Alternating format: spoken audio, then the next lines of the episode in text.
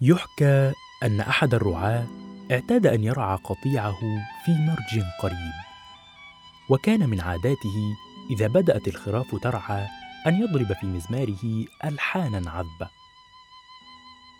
وحدث في مرة أن خرجت حية من جحرها تتمايل وتتراقص جاذلة طربة من بديع لحنه ثم عادت إلى جحرها وأخرجت ليرة ذهبية وألقتها للراعي.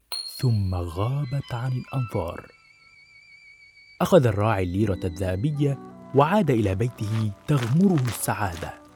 صبيحة اليوم التالي قصد الراعي ذات المكان وما إن بدأ ينفخ في مزماره حتى خرجت الحية من جحرها تتراقص وتتمايل كما فعلت البارحة.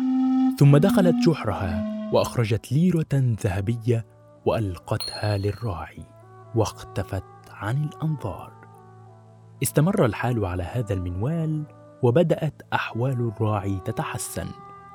فقرر أن يذهب لأداء فريضة الحج وأوصى ابنه بالقطيع وأوصاه وتعهد عليه أن يرعى حيث شاء إلا في تلك البقعة دون أن يخبره السبب.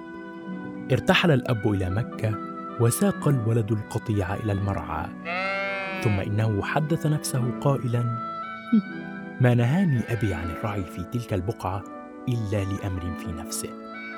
ودفعه الفضول وحماس الشباب إلى اكتشاف المجهول. ذهب الشاب بالقطيع إلى الناحية التي نهاه عنها أبوه وبدأ ينفخ في مزماره. فخرجت الحية على عادتها تتمايل وتتراقص.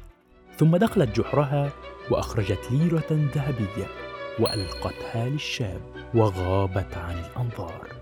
أخذ الشاب الليرة الذهبية وعاد إلى البيت جذلا طربا وقال في نفسه لا شك أن هذه الحية تخفي كنزا كبيرا وإن أنا قتلتها استأثرت بالكنز وحدي. صبيحة اليوم التالي حمل سيفه ومزمارة عاقدا العزم على قتل الحية وأخذ الكنز.